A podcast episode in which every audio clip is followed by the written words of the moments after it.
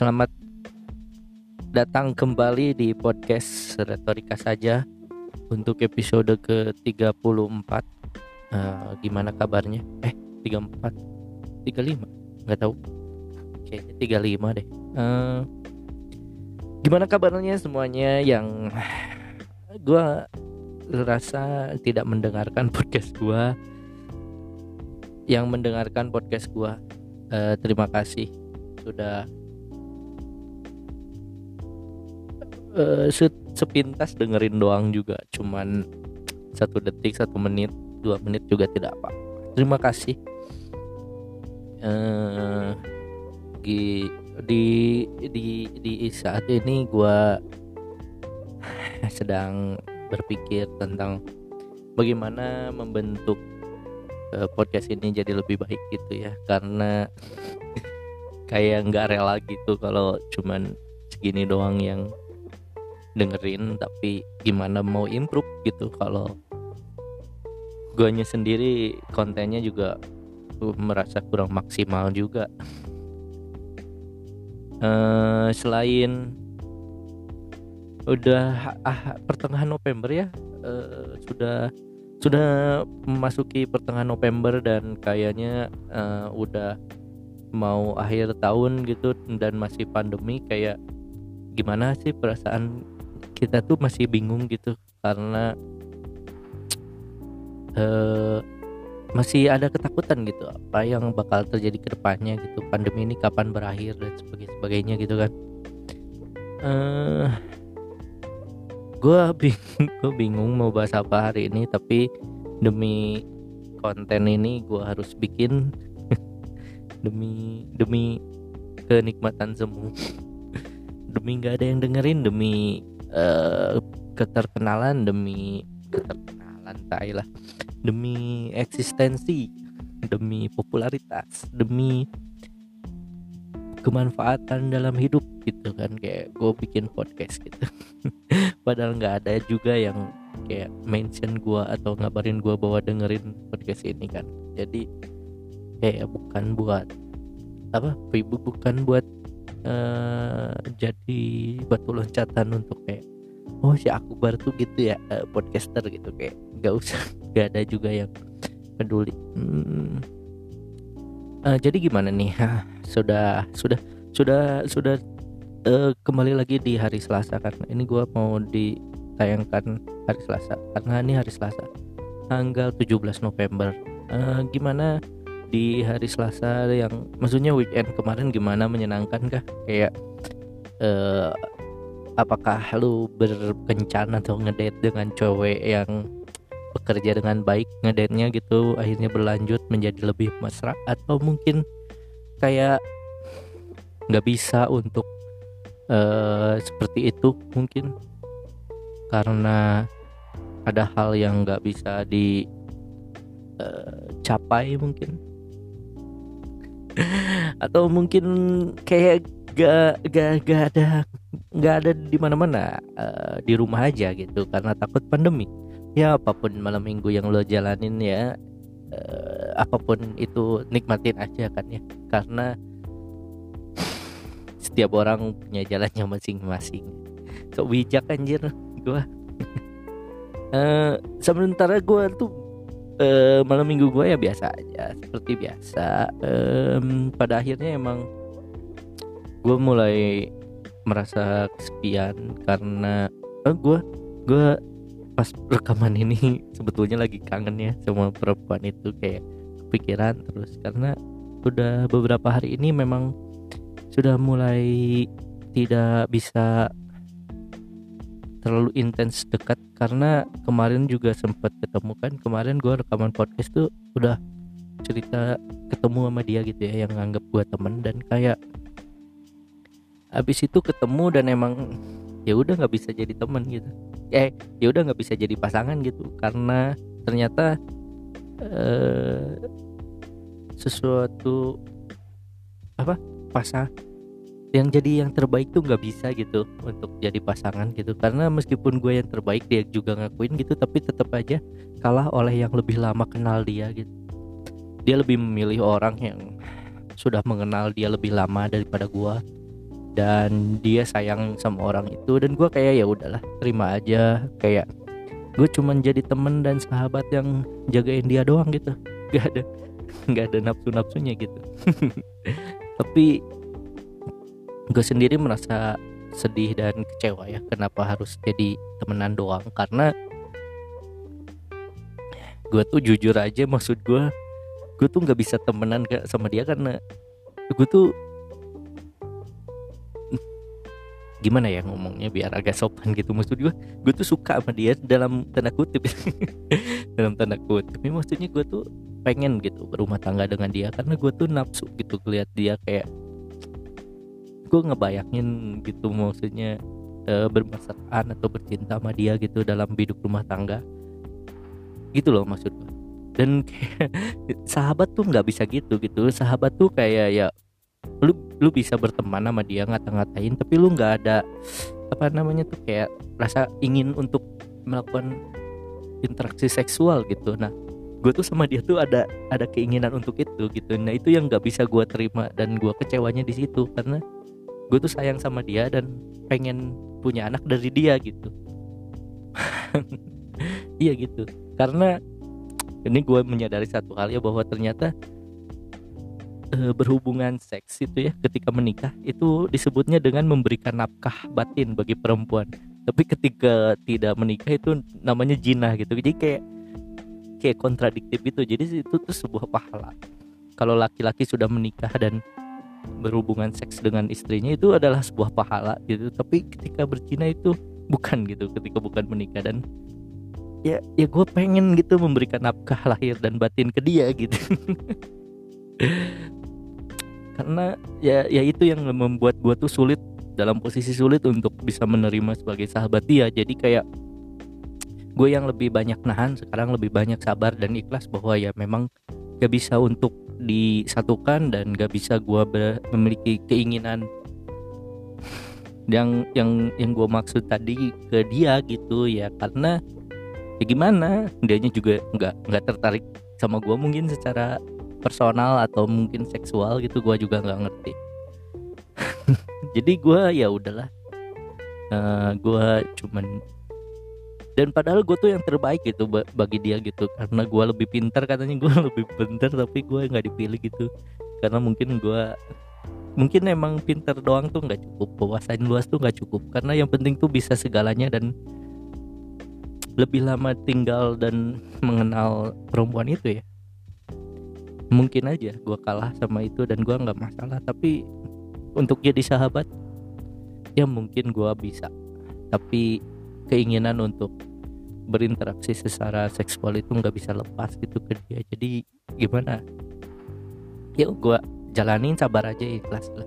Sekarang jadi kayak susah lah banget kontekan gitu karena eh, jadi kayak jaga jarak itu di chat juga nggak terlalu sering terus kayak di chat cuman diri doang gua gitu kan. Jadi udah ngerti gitu dia juga nggak tertarik sama gua dan uh, gua juga harus sabar gitu bahwa dia tuh dan mengerti bahwa dia tuh emang nggak tertarik ke gua gitu. Ya gitu aja sih. Dan gue tuh sungkan ya untuk minta ditraktir sama perempuan. Maksud gue udah nggak usah bridging gue langsung aja ke topik kali gue tuh sungkannya untuk minta traktir sama perempuan jadi kayak gue tuh merasa uang tuh bisa ngikutin kita pergi aja dulu gitu. Tapi dan ini juga yang nggak bisa gue terima uh, dengan sikap dia gitu. Dan gue mengerti bahwa memang pada akhirnya sadar bahwa kita tuh berbeda. Dan dia tuh tidak tertarik ke gue kenapa? Karena dia lebih mentingin gak mau ketemu gue karena gue nggak ada duit daripada gue ketemu gue yang penting di pinggir jalan gitu di Indomaret atau di tempat-tempat emperan yang lebih murah gitu karena gue pergi ke tempatnya gitu ke daerah Cimahi janjian. Tapi gue nggak ada duit cuman ada 20 ribu. Terus gue tuh bingung gitu gimana ngomongnya. Padahal kalau misalnya ngomong di awal aku nggak bisa nggak ada duit besok aja lagi. Gitu dia bakal ngerti gitu ya udah nggak apa-apa ntar lagi aja. Karena dia juga nggak ada duit gitu. Tapi gue pengen menghibur dia dan bertemu dengan dia apa pun yang terjadi gitu meskipun nggak ada duit gitu. Tapi dia nggak bisa terima itu jadi nyuruh gue pulang lagi. Dan gue nggak masalah sih cuman gue kayak canggung gitu jadinya sekarang kayak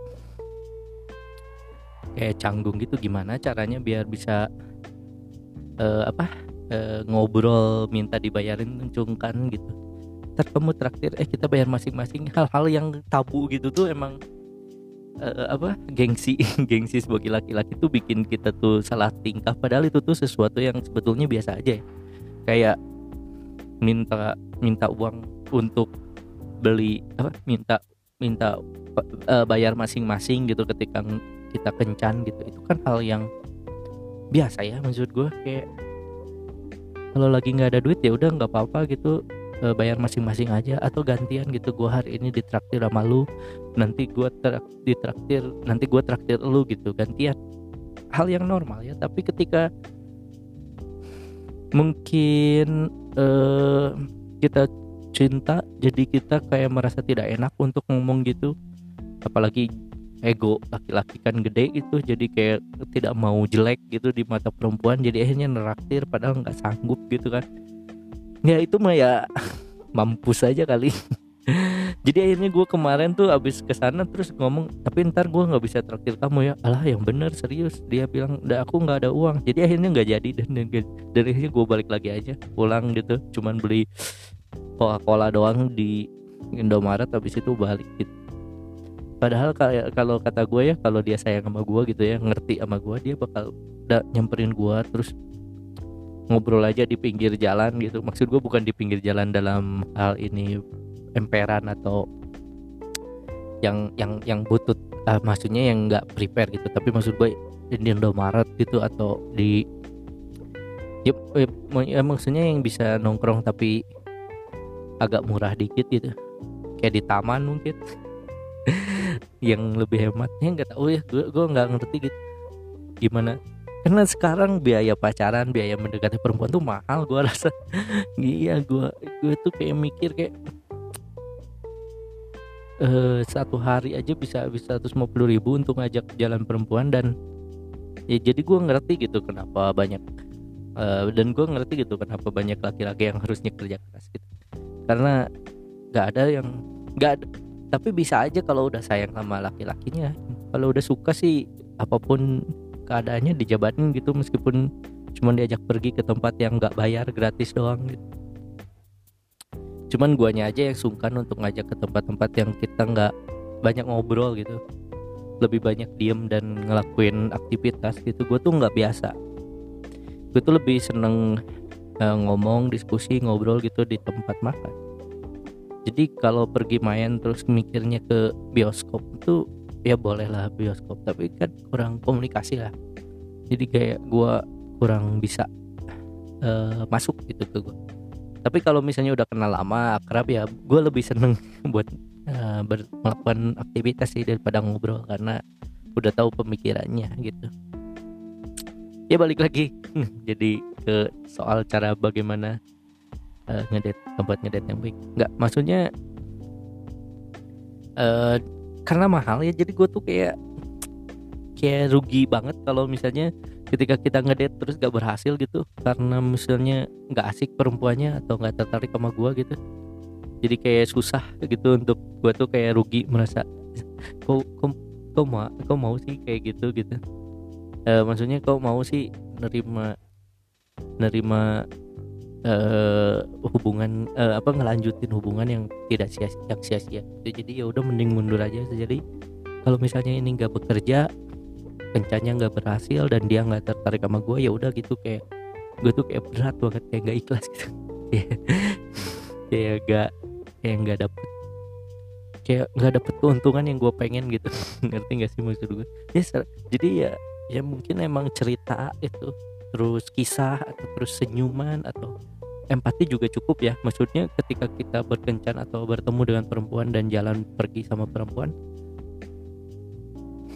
kayak senyuman dan obrolan yang menarik. Dan gue tahu kisah hidup perempuan ini juga udah cukup sebagai sebuah uh, keuntungan gitu ya harusnya ya. Tapi gue tuh kayak rugi masih merasa rugi gitu karena itu tuh nggak merus nggak berusaha bikin gue senang gitu.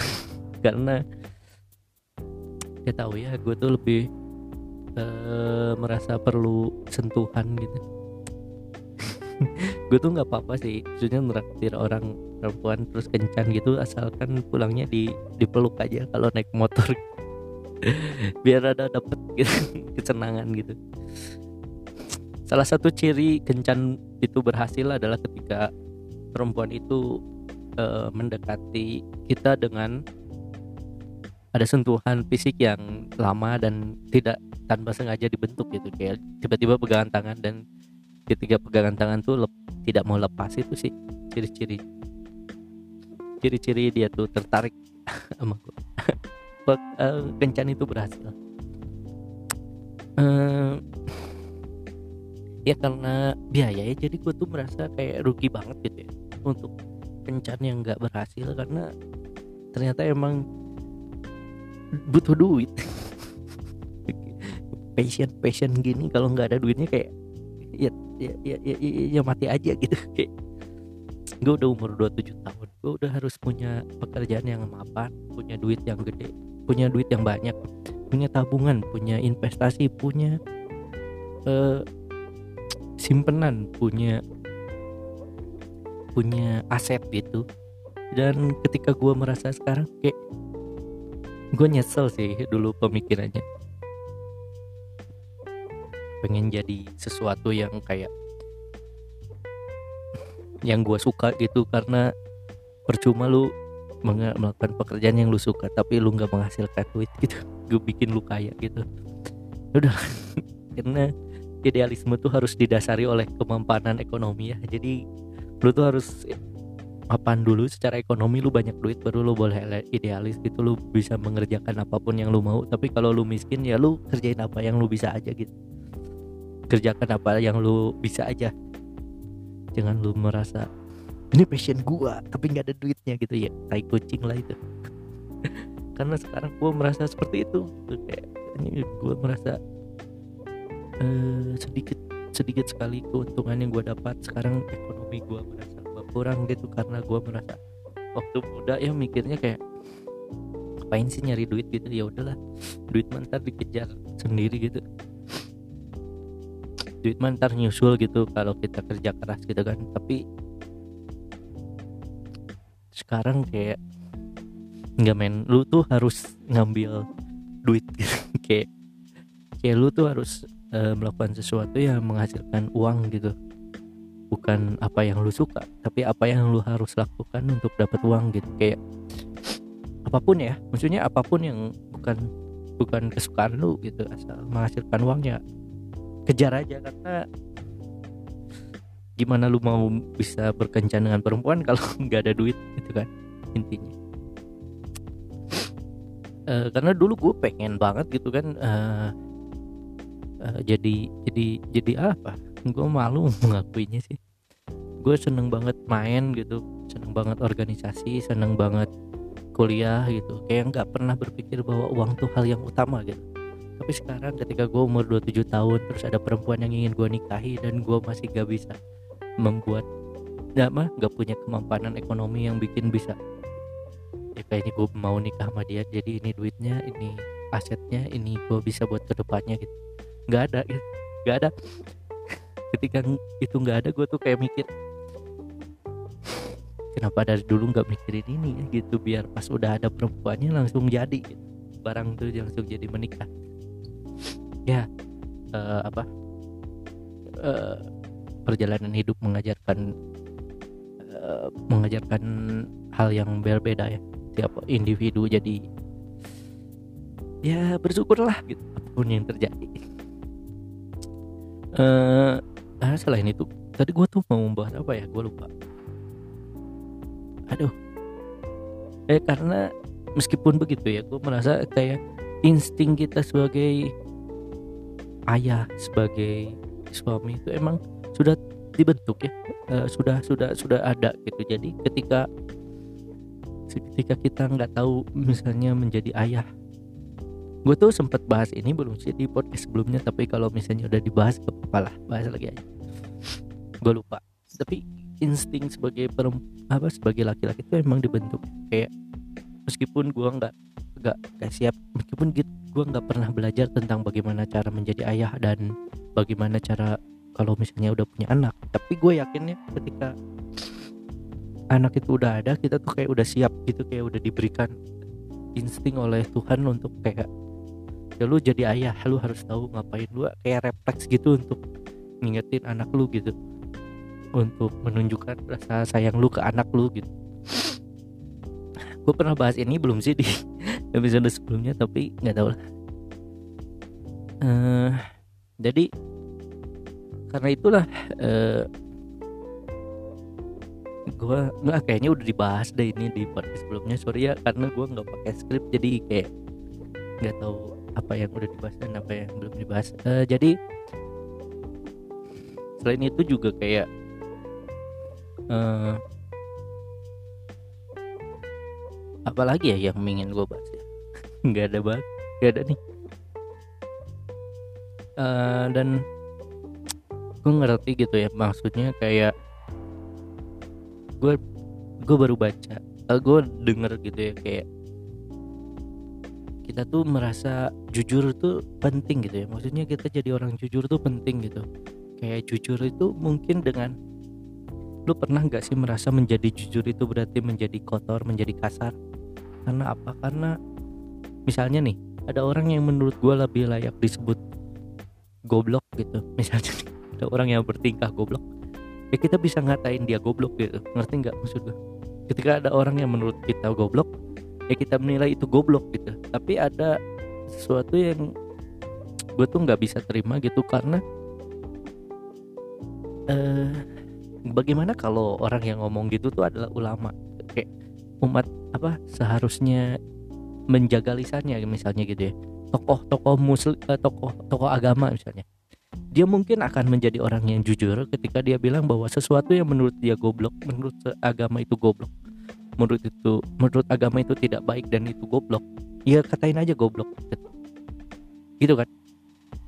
Tapi itu juga apa itu kan menjaga lisan gitu ya. Tapi gue tuh kayak kontradiksi ketika gue juga merasa kayak ya udahlah orang kalau misalnya dibilang goblok ya bilang aja goblok gitu. Nggak usah kayak ya udahlah nggak apa-apa.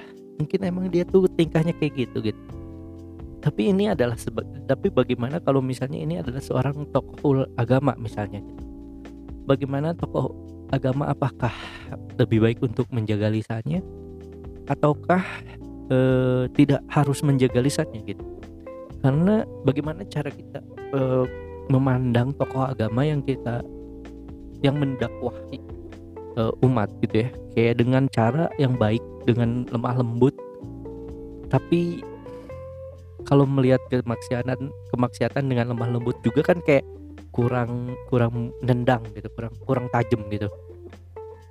Tapi di sisi lain juga ada ulama ya eh, ada tokoh agama yang kayak menentang sesuatu itu dengan kasar dalam tanda kutip ngomongnya kasar gitu. Nah gue tuh lebih merasa adem. Gue tuh merasa untuk sebagai tokoh agama omongan itu kan harus dijaga menjaga lisan tuh lebih baik gitu. Jadi kalau misalnya ada orang yang kita lihat tidak baik atau secara agama dia tuh buruk representasi keburukan. Kita tuh kita sebagai tokoh agama misalnya gua tokoh agama gitu kita tuh tidak berhak untuk mencela dia atau mengatakan hal yang terburuk tentang dia gitu. Lemah lembut karena kita nggak tahu dia tuh di di agama apa dia tuh gimana gimana ibadahnya dan sebagainya kita nggak tahu nilai dia di mata Tuhan tuh gimana gitu. Tapi tapi gue menyadari bahwa ya dia goblok gitu. Dia goblok gitu. Jadi ada ada orang yang bisa ngatain ya ini nggak enak gitu. Tapi nggak bisa.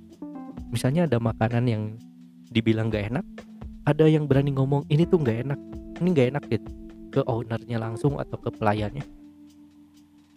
Yang padahal itu teman baiknya misalnya. Jadi kayak nggak nggak bisa jaga hati gitu. Atau misalnya ada yang nggak bisa atau misalnya ada yang jaga hati jadi bilang ini tuh kayak kurang gitu tapi nggak enak. Tapi ngerti nggak enak tapi kayak lebih di epimisme gitu. Nah ini jadi per perenungan gue juga karena gimana ya? Di sisi lain gue tuh sebagai manusia juga jujur gitu terbuka. Kalau misalnya dia bilang kalau misalnya suatu tindakan dikatakan goblok ya gue bilang goblok gitu kalau misalnya ada cowok yang brengsek ya gue bilang brengsek. Padahal gue harusnya lebih jaga lisan karena mungkin gue nggak tahu dia tuh di mana gimana dulunya gitu. Karena gue merasa gue juga nggak pengen gitu ngelihat tokoh ulama tokoh agama ngomong kasar dan memaki-maki orang lain yang memang goblok gitu tapi gue juga merasa sungkan gitu kalau misalnya tapi gue gak enak denger gitu kalau misalnya ada tokoh agama ngomong gitu tapi gue sendiri suka gitu. Nah itu tuh kontradiksi yang gue ada alamin gitu ya. Ngerti nggak? Maksud ini tak ada tokoh uh, agama gitu ya ngomongnya kasar gitu tapi bener gitu untuk ngegoblok-goblokin orang yang memang goblok gitu. Dan gue juga sering ngomong gitu. Maksudnya gue sering ngegoblok-goblokin orang yang memang goblok gitu tapi ini tokoh agama gitu. Gue tuh kayak merasa kok tokoh agama kayak gini? gitu. Tapi gue sendiri kayak gitu gitu. Emang kenapa gitu? Sama aja. Sama aja. Dakwah orang kan beda-beda gitu kan caranya. Ada yang kasar ada yang keras ada yang lemah lembut ya. Preferensi orang beda-beda. Jadi uh, eh, gue jadi merasa kayak ya udahlah nggak apa-apa. Jadi gue mengerti gitu sekarang uh, kenapa ada yang seperti ini ada yang seperti itu gitu ada yang kesat ada yang keras ada yang lembut. Dan itu bukan menjadi dan itu bukan menjadi seperti preferensi gitu. Jadi bukan pilihan yang mana yang benar mana yang baik mana yang buruk gitu. Itu adalah preferensi. Yang mana pun itu sama-sama baik asalkan men me menyebab mendakwahkan agama gitu. Tapi sekali lagi uh, eh, gue merasa sebagai tokoh agama ya berlakulah lemah lembut gitu menjaga lisannya. Itu yang gue pelajari itu yang gue itu yang gue percaya dan meskipun gue nggak bisa mencapai sana karena gue bukan tokoh agama tapi gue gue merasa mungkin kita berbeda. Maksudnya gue sama tokoh agama berbeda. Tokoh agama emang harus menjaga lisan tapi gue nggak perlu karena gue bukan tokoh agama. Ya mungkin itu ya. Jadi gue nggak apa-apa ngegoblok goblokin orang ngebrengsek brengsekin orang apalagi laki-laki yang you know what yang gak bertanggung jawab gitu kayak kayak, kayak cuman cuman pengen enaknya doang gitu. Nih jijik gue jijik. Apalagi ya ini udah 27 menit dan terima kasih. Kayaknya udah udah cukup nih untuk rekaman podcast kali ini. Terima kasih yang sudah mendengarkan uh, gua gua gua ma, gua mohon sama lu dengerin podcast ini. Ada ada di gua namanya Muhammad Akbar Mulanda ya ya intinya nah mau lu dengerin mau enggak juga terserah. Yang penting gua tetap bikin akan selalu bikin sampai kapan pun gue perlu untuk bercerita tentang jadi uh, yang mas yang dengerin terima kasih yang mengapresiasi terima kasih. Uh, jangan lupa sampai ketemu lagi di uh, podcast selanjutnya uh, episode selanjutnya nanti bahas tentang apa. Intinya uh, ini adalah sebuah lembaran baru karena gua nggak akan bahas lagi. Kayaknya mungkin akan ada update soal perempuan itu tapi tipis-tipis ya karena drama kisahku dan dia telah berakhir kayaknya setelah semuanya terjawab sudah bahwa kita aku dan dia hanya teman dan sahabat. Tidak dia tidak bisa sayang sama aku dia nggak sayang sama gua dan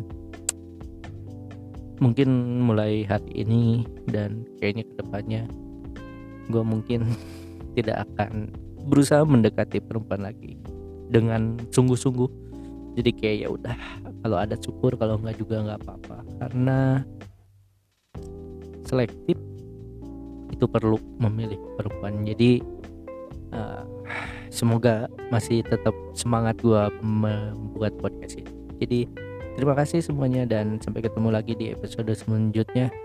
Saya Akbar Maulana pamit. Dah semuanya salam. Gue gue nggak gue nggak suka tagline jadi ya udahlah. Dadah. Thank you semuanya